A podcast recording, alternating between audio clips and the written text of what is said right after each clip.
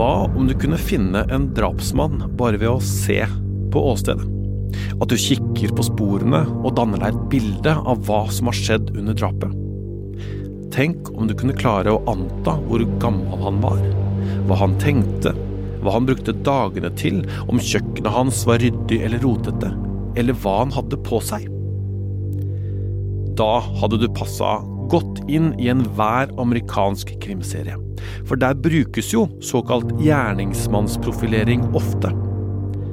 Også i Norge var det en gruppe som dreiv med det i Kripos. Men den blei lagt ned. Hvorfor det? Og hvorfor bruker vi ikke gjerningsmannsprofilering som metode i etterforskning? Jeg heter Tor Erling Tømtrud, og dette er Krimpodden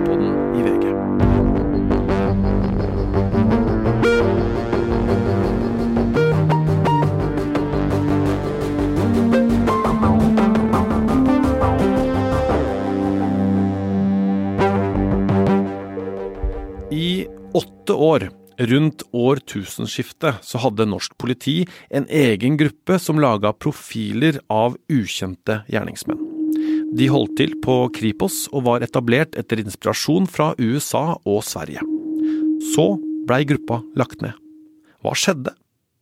Og hvorfor er Norge det eneste landet i Norden hvor politiet ikke bruker gjerningsmannsprofilering konkret som metode? I denne episoden skal Håkon Fostervoll Høydal ta deg med inn i et av temaene som vi i Krimpodden oftest får spørsmål om. Hva er gjerningsmannsprofilering? Victim is in her late 30s, professional person going by her clothes and guessing something in the media, going by the frankly alarming shade of pink. Dette er fra TV-serien Sherlock med Benedict Cumberbatch i hovedrollen. Suitcase? Suitcase, yes. She's been married for at least 10 years, but not happily. She's had a string of lovers, but none of them knew she was married. Oh, for God's sake, if you're just making this up. Her wedding ring, 10 years old at least. The rest of her jewelry's been regularly cleaned, but not her wedding ring. Sherlock Holmes han er bare en fiktiv figur.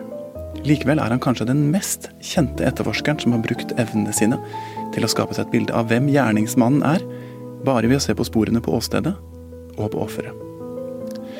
Sherlock Holmes han ble skapt som romanfigur da seriemorderen Jack the Ripper holdt London i ånde på slutten av 1800-tallet. Hos politiet i London på den tiden så var det den helt virkelige politilegen Thomas Bond som undersøkte de fem drapsofrene som han mente tilhørte Jack the Ripper. Politilegen han skrev en rapport om de fem drapene, og her forsøkte han å gi et bilde av hvem han trodde Jack the Ripper kunne være. I denne rapporten skrev han følgende. Morderen må ha vært en mann med fysisk styrke og med et kjølig og dristig sinn. Morderen er mest sannsynlig en stille mann, antagelig middelaldrende, pent kledd. Han lever alene og har eksentriske vaner. Denne rapporten er i ettertid blitt ansett som den første profilen av en ukjent gjerningsmann. For som vi vet, Jack the Ripper han ble aldri tatt. Sherlock Holmes derimot, han ble berømt. Men det var USA som gjorde gjerningsmannsprofilering til etterforskningsmetode. Det første virkelige forsøket på profilering det ble gjort i 1956, da amerikansk politi jakta på den såkalte Mad Bomber. En mann som i løpet av 16 år plasserte 30 bomber omkring i New York. En psykiater som var tilknytta politiet, han laga en profil ut fra åstedene og brev som gjerningsmannen hadde skrevet. Og han kom fram til dette. Middelaldrende mann, antagelig rundt 50 år, overfølsom for kritikk og lider av et ødipuskompleks. Han er utlending og bruker mesteparten av tiden med andre utlendinger. Han er av slavisk opprinnelse og katolikk. Han har i hvert fall gått high school, men antagelig ikke høyere. Han bor i Connecticut, ikke New York. Han er pertentlig, nøye og dyktig på jobben. Når dere fanger han, vil han være kledd i en dobbeltspent dress. Da George Metzky endelig ble arrestert for angrepene mange år senere, da var det overraskende mye som stemte. Han var slaver, tidlig i 50-åra, bodde i Connecticut, og han var kledd i en dobbeltspent dress da han ble arrestert. Det var veldig detaljert. ja. Eh, og da gjerningspersonen flere år senere ble funnet, så viste profilen seg å være overraskende nøyaktig, helt ned til klærne han hadde på seg ved arrestasjonen. Han var av slavisk opprinnelse i begynnelsen av 50-årene, ugift, delte bolig i Connecticut med to ugifte søstre, og han pendlet regelmessig til New York. Denne historien, som, som, godt kan være sann, eh, er typisk for mye av den litteraturen som finnes på feltet. Eh, det, det, er på en måte en overveldende tendens til å fremheve suksess og kanskje skjule feiltagelser. Dette er Siv Runhovde ved Økokrim. Hun har skrevet bok om gjerningsmannsprofilering ut fra masteroppgaven i kriminologi som hun skrev i 2009.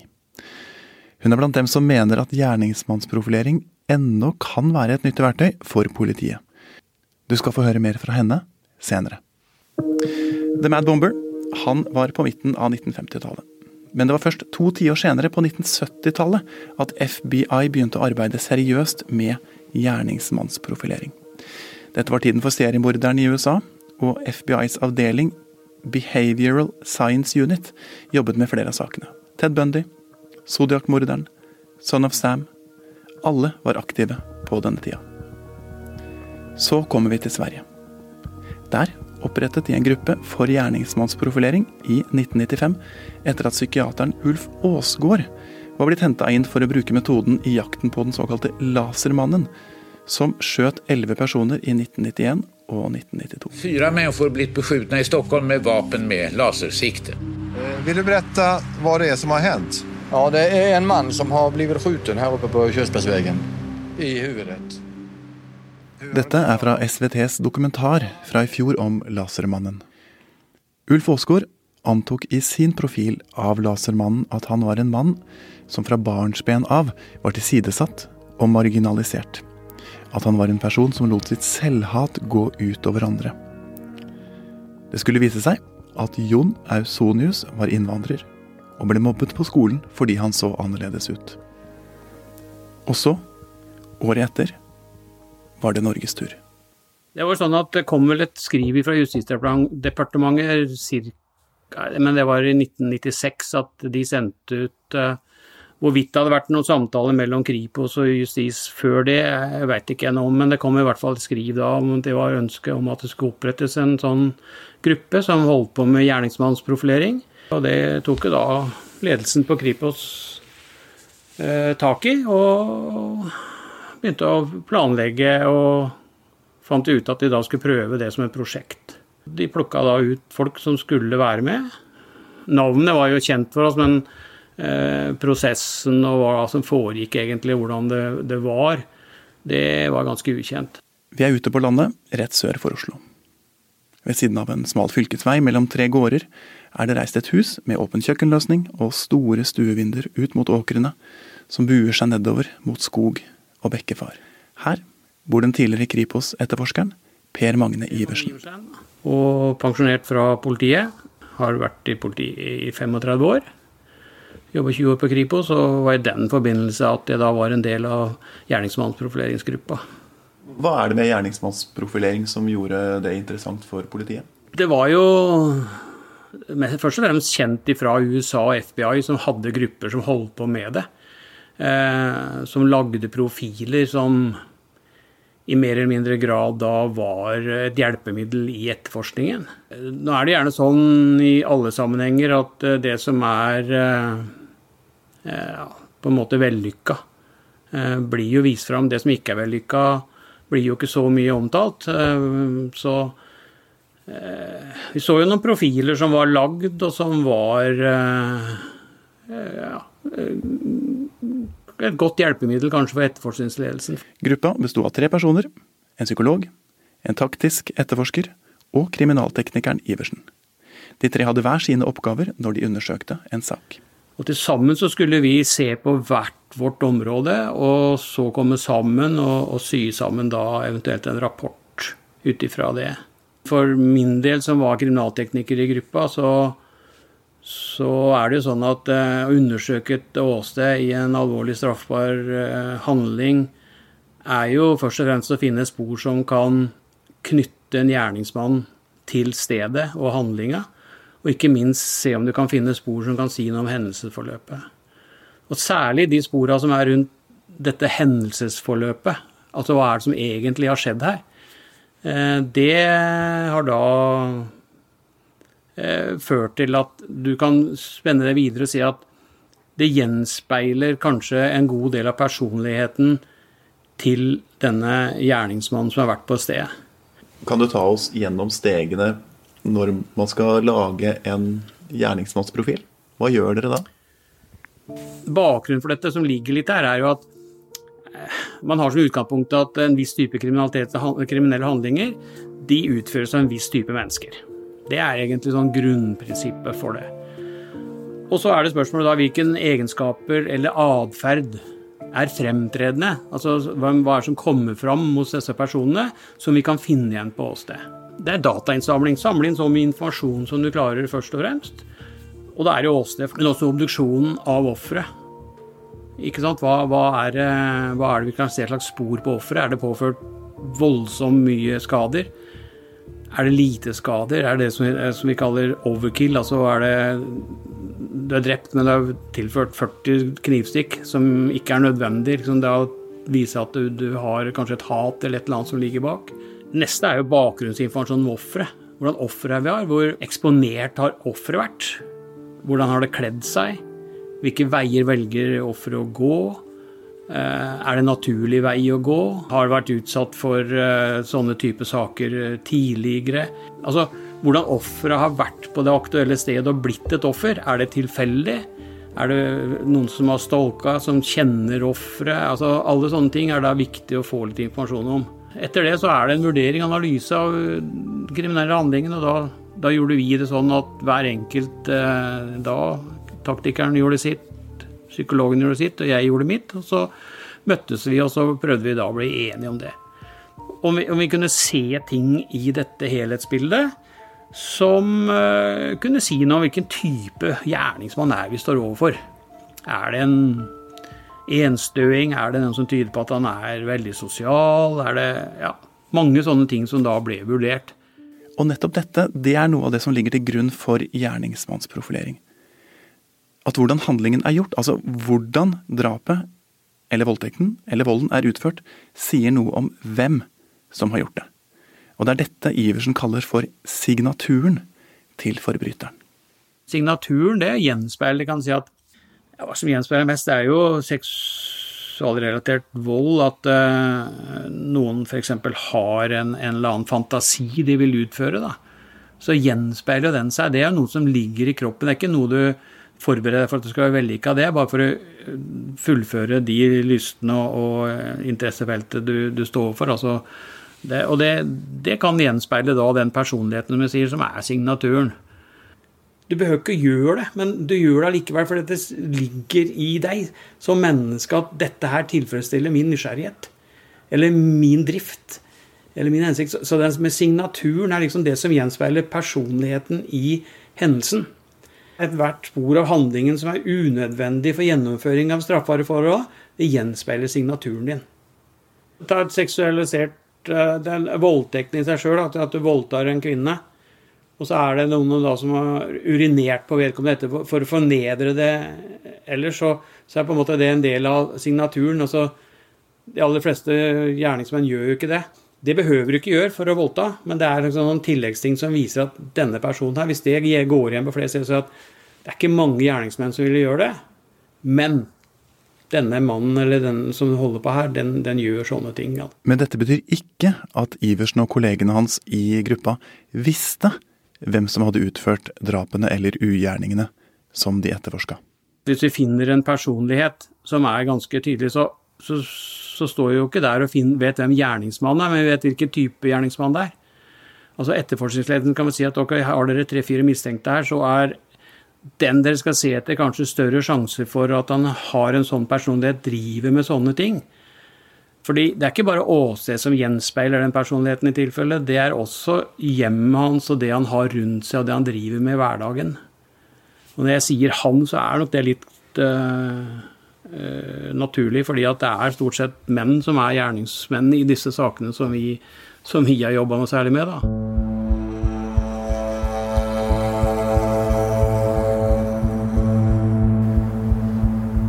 Det finnes eksempler på saker hvor det å lage en gjerningsmannsprofil har ført til debatt og tvil om metodens gyldighet. I Norge er kanskje de to mest kjente sakene drapet på Birgitte Tengs og Baneheia-saken. Vi tar den første først. Under etterforskninga av drapet på Birgitte Tengs på Karmøy henta politiet i 1997 assistanse fra den svenske psykiateren Ulf Aasgaard. Den samme psykiateren som hadde laget profilen på Lasermannen. Det var han også som ledet den svenske gjerningsmannsprofileringsgruppen på den tiden. Han ble henta inn for å undersøke om det var noen sammenheng mellom den ukjente drapsmannens atferd på åstedet og fetterens forklaring. Fetteren til Birgitte Tengs han var på den tiden sikta for drapet. Og Aasgaards konklusjon var at fetteren var gjerningsmannen. Og i dag vet jo vi at det var en gal konklusjon. Politiet har sagt at fetteren er ute av saken, og i fjor høst ble en annen person, en mann i 50-åra, pågrepet og siktet for drapet på Birgitte. Vi har kontakta Ulf Aasgaard for å få hans versjon av hva som skjedde i 1997, uten hell. Han har heller ikke ønsket å uttale seg til VG om Tengs-saken tidligere. Jeg vet ikke om det var utslagsgivende, men jeg tenker det hjalp jo ikke.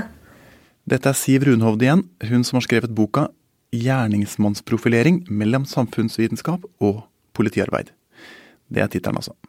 Hun jobber som sagt i dag i Økokrim, men var tidligere ved Politihøgskolen og er blant de få i Norge som har forska på dette temaet. Hun er tydelig på at hun ikke kommenterer Ulf Aasgaards arbeid direkte, men heller snakker generelt om metodene som ble brukt under profileringsarbeidet i Tengs-saken. Eh, så det var jo kanskje bare enda mer Det gjorde enda flere skeptiske, og de som allerede var skeptiske, enda mer skeptiske, kanskje. Og så. I 2000, i mai 2000 skjedde de grufulle drapene av to små jenter i Baneheia utenfor Kristiansand. Den norske gruppen for gjerningsmannsprofilering de var tidlig inne i etterforskninga. Og de laget en profil som pekte på hvilke trekk en mulig gjerningsmann kunne ha. I boka si om gjerningsmannsprofilering skriver Siv Runhovde at denne profilen den var viktig for etterforskninga. For den, den ble laga i en periode hvor det var vanskelig å knytte teknisk bevis til de to mistenkte mennene. Ifølge Runhovde så førte det at det ble laga denne gjerningsmannsprofilen til at etterforskningsledelsen ble oppmuntra om at de likevel var på rett vei. Når vi i dag vet det vi vet om Baneheia-saken, og det kommer jeg straks tilbake igjen til, så blir det fristende å spørre. Var denne gjerningsmannsprofilen med på å lede hele etterforskninga i en bestemt retning? Kan gjerningsmannsprofiler føre til tunnelsyn i en etterforskning? Ja, det tror jeg det kan. Ja, altså Det kan jo det hvis man da uh, legger for stor vekt på en måte på lar profilen styre for mye, da. Uh, og så avhenger det jo av kompetansen til de som lager profilene. At de ikke lar seg påvirke av f.eks. hypoteser som allerede uh, ligger i etterforskningen. de bør jo komme inn helt uten å vite noe som helst, tenker jeg. hvis de skal på en måte representere et friskt blikk. Det var altså gruppa på Kripos, som Per Magne Iversen var del av, som laget Baneheia-profilen som vi her snakker om. Jeg sitter hjemme hos han, og det er ganske stille i det store huset, mens han og jeg diskuterer de mulige følgene av å lage en profil. Det har også vært snakk om at det at dere ganske tidlig laget en, en gjerningsmannsprofil i Baneheia-saken, hjalp etterforskningsledelsen Ehm, da det var vanskelig å knytte tekniske bevis til de mistenkte, kan det å drive det å lage en gjerningsmannsprofil, kan det føre til at man kun leter etter det denne profilen sier man skal lete etter, og, og ikke søker eh, utover? Nei, det er nesten ikke hva svare. Altså, Eh, min erfaring da, fra den tida som Nå kan jeg ikke si i dag, men fra den tida som var der, så var etterforskningslederen i Norge var, i hvert fall på Kripos, eh, som jeg kjent til, var erfarne, selvstendige etterforskere. Jeg tror de kan godt få innspill fra alle kanter, men min erfaring var at de var veldig flinke til å sortere ut det som de mente kunne være av nytte og ikke. Og de satt selvfølgelig med en helt annen oversikt av en sak enn det vi gjorde. At en etterforskningsleder i den situasjonen skulle bli så blenda av en gjerningsmannsprofil, eller et innspill, så at de utelukka andre ting, det ser jeg på som usannsynlig. Men var det egentlig så enkelt som at den profilen som Iversens gruppe utarbeida i Baneheia-saken, ledet etterforskningen i én retning? Altså i retning av de to som ble dømt? Profilen som gruppa laget, den var lenge hemmelig. Og ikke før mange år senere kom det fram at de hadde ment at det bare var én gjerningsmann som begikk drapene. Gjerningsmannsprofilen som de skrev, er sitert i avgjørelsen fra Gjennomtagelseskommisjonen, og den skal jeg sitere fra. I denne profilen argumenterer gruppa for at det mest sannsynlig var én gjerningsmann fordi, og jeg siterer, begge jentene var drept med et identisk knivstikk. Sitat slutt. Altså, Vi, vi, vi syns jo det vi diskuterte den altså, Jeg har ikke så lyst til å gå så veldig inn på detalj, men vi diskuterte den ganske mye, og det vi mente, var jo at, at mer enn én skulle ha den eh, altså egenskapen eller eh, si muligheten til å begå så bestialske ting, eh, syns vi var, kanskje var usannsynlig eller unaturlig. Men samtidig diskuterte vi fælt. Altså hvordan holder du kontroll da, på to hvis du er alene. Um,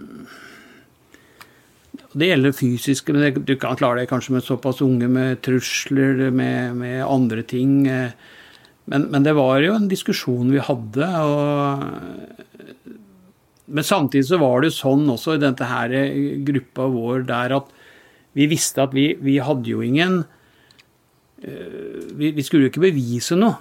Vi skulle gjøre en antagelse ut ifra vårt ståsted hva vi mente var mest sannsynlig.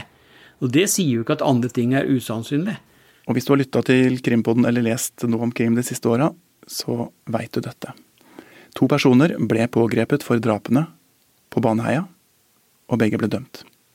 Men så, for et drøyt år siden, bestemte Gjenopptakelseskommisjonen at saken til en av dem, til Viggo Kristiansen, skulle åpnes og gjenopptas.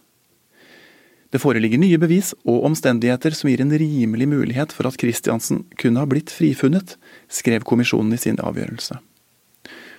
Viggo Kristiansen selv han har hele tida nekta for å ha vært med på drapene. Det er ikke alle saker som egner seg til gjerningsmannsprofilering, sier Iversen.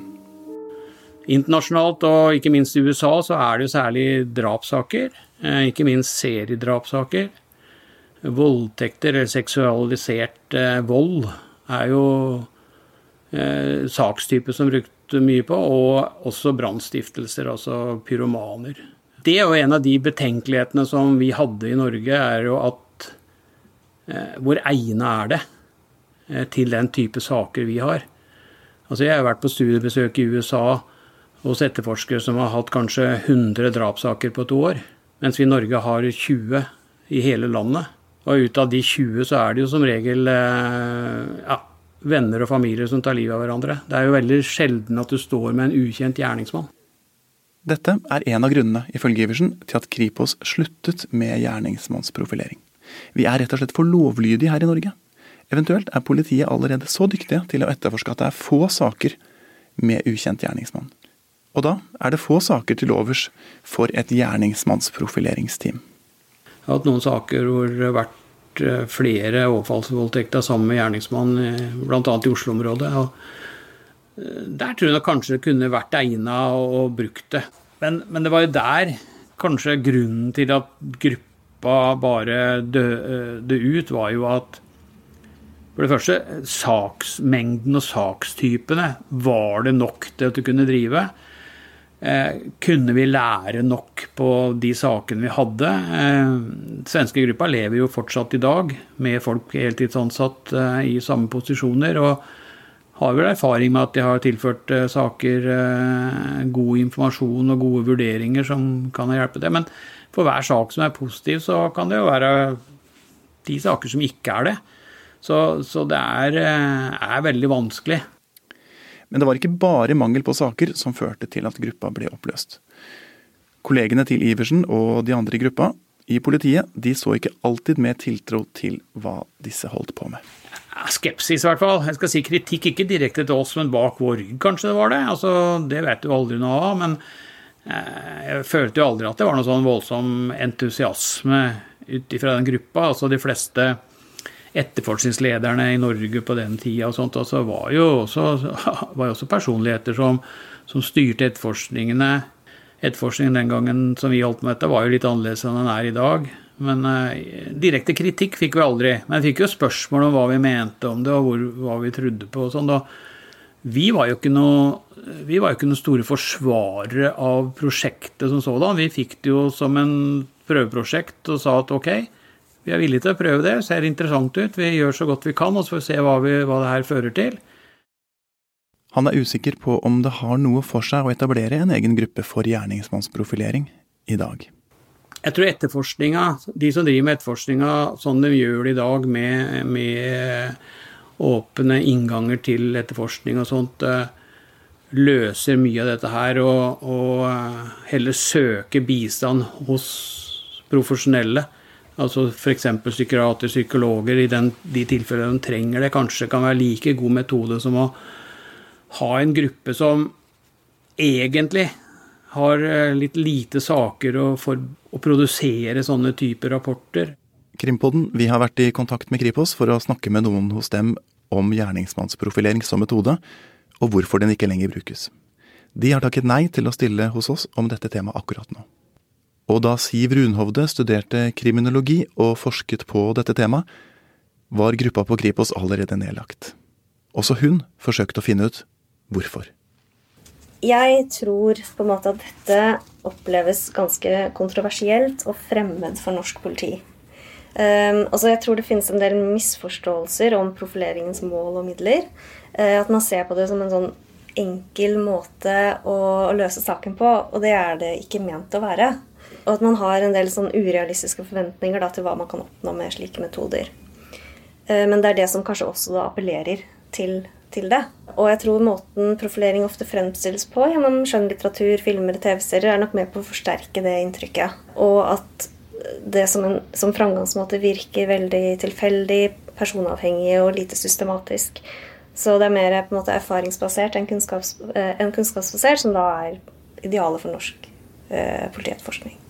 Nå høres det ut som du mener at, at uh, gjerningsmannsprofilering som metode egentlig har noe for seg? Altså, Det har jeg egentlig ikke noen forutsetning for å si, men jeg tenker at det kanskje fikk en litt ufortjent mottagelse, da. Jeg tror Altså nå, nå, har det jo skjedd mye i norsk politi siden denne gruppen var aktiv. Mener du da at hvis gjerningsmannsprofilering hadde blitt introdusert som metode i dag hos politiet, så ville det fungert bedre enn da det ble innført? Kanskje. Jeg tror kanskje, tror kanskje det. Men det har mye med hvordan man presenterer det. Og at man er nøye på hva det på en måte kan gjøre, og hva det ikke kan gjøre. Hva kan det gjøre, da? Jeg tenker det kan, det kan være til hjelp som et supplement eh, til tradisjonell etterforskning, der man kanskje står fast. Man, man trenger, å, eh, trenger noen som kan se på saken med, fra et nytt ståsted. Mm. Tenke nytt. Men det kan ikke Det kan ikke løse forbrytelser. Det kan ikke navngi en bestemt person. Hvis Norge skulle ta opp dette her igjen, hvordan, hva, hva, skulle vi, hva skulle norsk politi ha gjort da? Hvordan skulle det skje? Jeg tenker Man måtte jo gjort en grundig jobb med å sette seg inn i, i det, hva som har skjedd på feltet. Hva, som, hva, man gjør i andre land. Kanskje ikke så annerledes som man gjorde. Jeg har inntrykk av at de gjorde et grundig uh, arbeid uh, da de startet den gruppen her, og at de var uh, interessert i å på en måte lære mest mulig og prøve å liksom fange opp den beste måten å jobbe på. Eh, og de henta jo inspirasjon fra, fra, flere land og var på kurs osv. Så, videre. så jeg tenker, jeg tenker de gjorde mye riktig òg, Ja. Men, men, jeg tenker man må kanskje begynne der, da. Og så også se litt på hva som gikk galt hvis, de, hvis, det var sånn at det gikk galt sist gang. Hva er det vi går glipp av ved å ikke bruke denne metoden? Nei, altså jeg tenker jo det kan være til hjelp eh, hvis man står fast, da. Så at man burde kanskje benytte seg av de hjelpemidlene som fins. Være åpen for, eh, for, å prøve. Hvis det fungerer andre steder, så hvorfor skulle det ikke fungere her? Ja, krimkommentator i VG, Øystein Milli. Hva tenker du av når du hører om disse gjerningsmannsprofilene? Jeg tenker jo i utgangspunktet at det er eh, interessant eh, i en etterforskning. Eh, og så tenker jeg at faren oppstår først og fremst hvis du begynner å lage en såkalt gjerningsmannsprofil, og, og binder deg opp til at det som står der, basert på at noen har sittet og analysert noe og kommet frem til noe, basert kanskje på bare noen få spor, at det blir en fasit, og at man henger seg opp i det. altså hvis det står i en gjerningsmannsprofil at det her kan det være bare én gjerningsperson, og så er det to, eller, eller, motsatt, så tenker jeg at det er, eh, da er det oppskriften på at ting kan gå feil, og at man får dette tunnel, tunnelsynet. Men brukt riktig i en hypotesetankegang, eh, hva ser vi her på åstedet? Hva ser vi av hvordan dette er utført? Hva, ser vi, hva har skjedd? Uh, er det en eh, minibank som er ranet? Er det et svært verditransportran? Hvem kan ha utført dette? Hvem er det som jobber på denne måten? Hvem bruker denne type fluktpiler? Eller om det er et drap hvor man kan uh, se i samme retning, holdt jeg på å si, på samme måte, så tenker jeg at det er veldig fornuftig å bruke det som en del av hypoteseverktøyet sitt. Blir det ikke sånn at dette er en del av en etterforskning uansett, uten at man liksom kaller det eh, profilering og gjør noe sånn ekstra ut av det? Jo, det vil jeg både håper, både håper og tror det. Eh, og jeg tenker jo at eh, en sak som vi har snakka mye om, Tor Erling, og som fortsatt er veldig aktuell, er jo Lørenskog-saken. Og der har man jo beviselig en motpart, en såkalt motpart, som har vært aktiv etter at den kriminelle handlingen har skjedd. Det er jo veldig sjelden, eh, så det er litt spesielt. Men, men det er klart at både det trusselbrevet, eh, hvordan man har ordlagt seg i disse mailene, hvilket kryptovaluta man har tatt i bruk, hvilke, eh, det at man har stjålet dette passet, hvorfor eventuelt man har stjålet akkurat passet til Ole Henrik Golf, hvilken vekslingsbørse man har brukt. Sånne ting Eh, er jo klart at jeg vil tro de som sitter på Lørenskog lensmannskontor, eh, er eh, opptatt av. Og ja, det er ikke bare der man sitter, da, men på Kripos eller hvor det måtte være, i Lillestrøm. Men, men det er i hvert fall Lørenskog lensmannskontor som er hovedbase på et vis. Og det er klart at da, da, er det helt sentrale spørsmål hva kan de sporene fortelle oss om gjerningsmannen eller gjerningsmennene? Er det mulig å se en slags, kall det anførselstegn, profil? Er dette en Eh, er det noe i språket? Er det noe i, i på en måte hvordan valg av elementer? Er det noe som kan si oss noe og gi oss en hypotese om hvem det kan være? Og så må man jo da, som jeg sier, ikke låse seg til den. Selv om man skulle tenke at dette er en mann i 40-årene som bor i Nord-Norge, hvis det hadde vært grunnlag for det, så kan man på en måte ikke uh, ha det som en fasit. Man må være åpen for at det kan være feil, og hele tida utfordre det som da er en slags hypotese. Og, og har de ikke også kobla på en psykolog også i Lørenskog-etterforskningen? Jo, det er helt riktig. Det er eh, psykolog Claes Fredrik Andersen som uh, har, eller er, det vet vi ikke, da, har vært inne i Lørenskog-saken og, gitt uh, bistand. Han jobber egentlig i det som heter cold case, altså seksjonen for kalde saker. Det er jo de som jobber med de uoppklarte gamle sakene, sånn som f.eks. Birgitte Tengs-saken. Eh, men han ble for offentligheten nok først kjent for alvor i 2015, eh, fordi at han eh, var da kobla til Vestfold politidistrikt. Og de gikk på den tida gjennom Kristin Juel Johannessen-drapet. Denne tolvåringen som skulle på badetur, og som ble drept av en mann, en ukjent gjerningsmann. Altså Han var ukjent i mange år, han er, han er dømt nå. Men gjennombruddet der kom jo bl.a. Uh, pga. at uh, Claes Fredrik Andersen sto på for å få en ny gjennomgang av saken. Og så har jo han da uh, bytta jobb, som vi er inne på. Han begynte i Kripos, og har da blitt brukt i Lørenskog-saken. og Nå vet jo ikke vi eksakt hva han gjør, men jeg vil jo tro at han bidrar da på sitt fagfelt og forsøker å gi innspill på f.eks. hva slags, eh, kall det profil i anførselstegn, en eller flere gjerningspersoner kan ha. For nå har vi jo hørt at uh, Kripos har hatt en slags profileringsgruppe, men den er lagt ned. Men, men, nå er det jo sånn at de må bruke på en måte litt av metodene allikevel, da. Ja, det er det. Og det er klart at eh, som vi var inne på, da, dette med gjerningsmannsprofiler. ikke sant? Hvis det hvis det blir en sånn slags fasit, en, en, et premiss som man ikke ser bort fra i etterforskningen, at det, det deles ut noen Ja, det kommer noe faktisk informasjon på bordet, og så sitter det da en gruppe mennesker i et rom, og på en måte dels pga. disse bevisene og opplysningene man har, men også pga.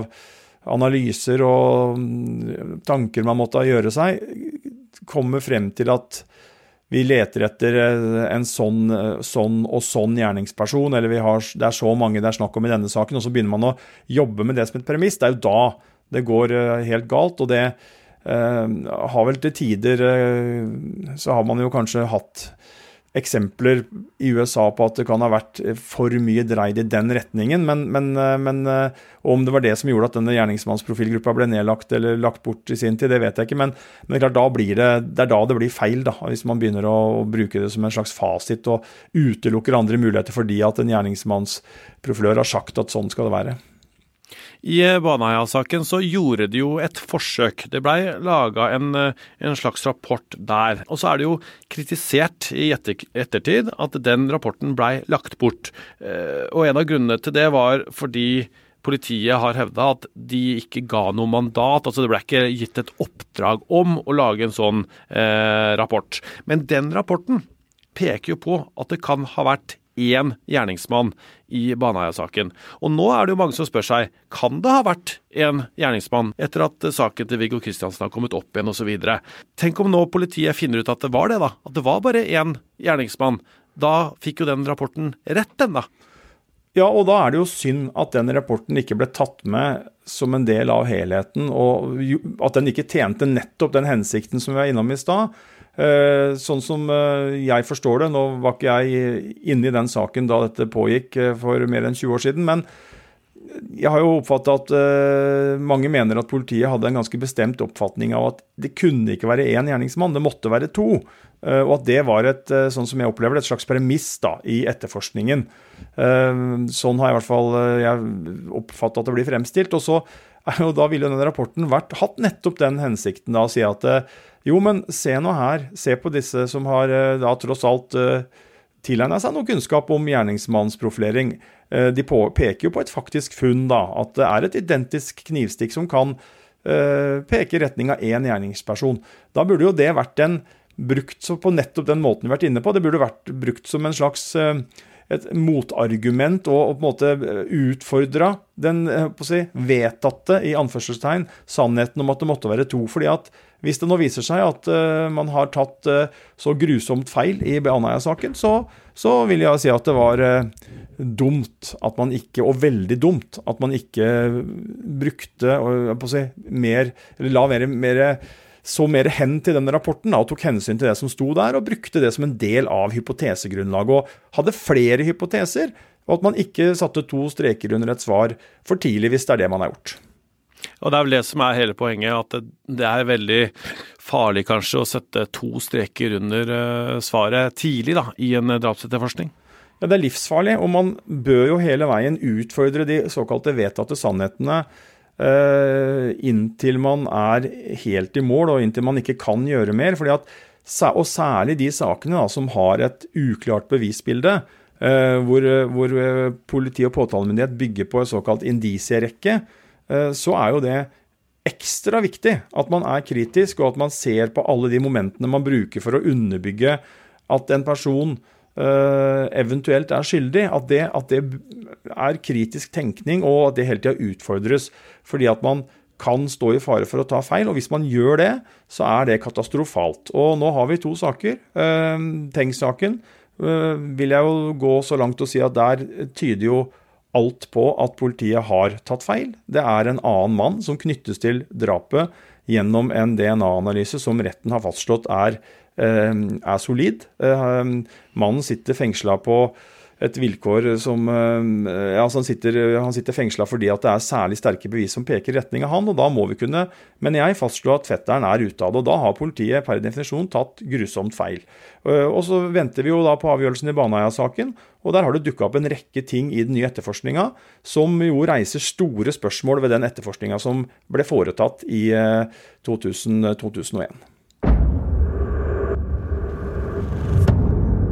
Denne episoden av Krimpoden blei laga av Håkon Fostvold Høydal. Musikken er komponert av Ronny Furuvik. Sitatene som vi har brukt, er lest av Askild Matre Aasarød. Lydinnslag har vi henta fra SVTs dokumentar 'Jakten på lasermannen' og fra TV-serien Sherlock med Benedict Cumberbatch.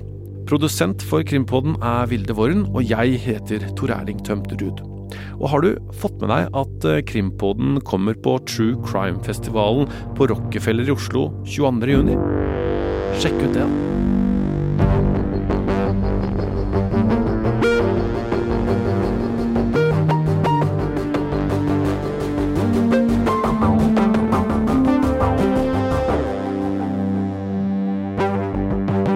Du har hørt en podkast fra VG.